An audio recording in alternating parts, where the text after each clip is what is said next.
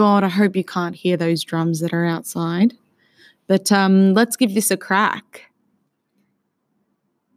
If I'm honest, interviewing today's guest, I felt like a little bit of a wanker because at the age of 24, it seems too late, crazy, and a bit fucking ridiculous for me to ever consider taking a gap year.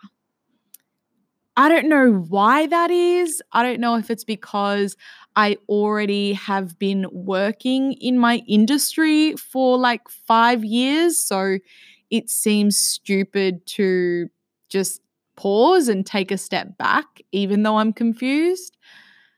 I I really don't understand that, but I know I'm not the only person that feels like this. The reason I feel like a bit of a wanker and an idiot is because the guest I interview today, at the age of 37, with two kids and a mortgage, decided to take his first ever gap year. Crazy, right?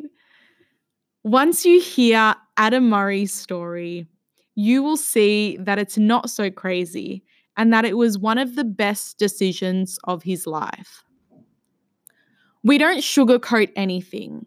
This isn't this dream story where he quits his job, takes a gap year, and everything works out. Because there are lots of ups and downs to this story, and there is a shit ton of struggle. But that's the point. If we're going to struggle for anything, you may as well struggle for something that's making your life better.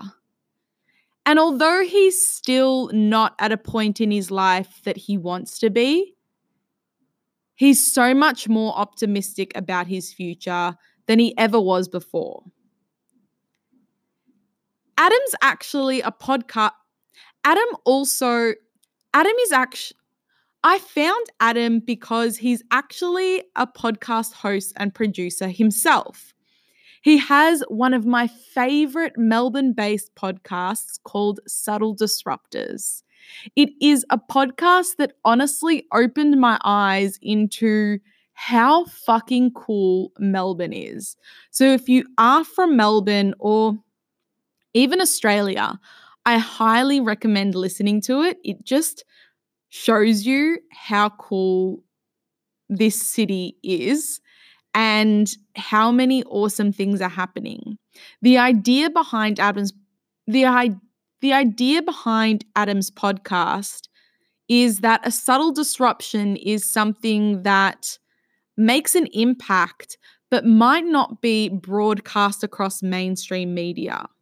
He talks to so many different interesting people that are truly who are doing some really awesome things and I don't know, it is just one of my favorite podcasts. Definitely give it a listen. So without any further ado, let's jump into let's jump so without any further ado, let's jump straight into my conversation with Adam Murray, episode 3 of the podcast, The 37-year-old gap year.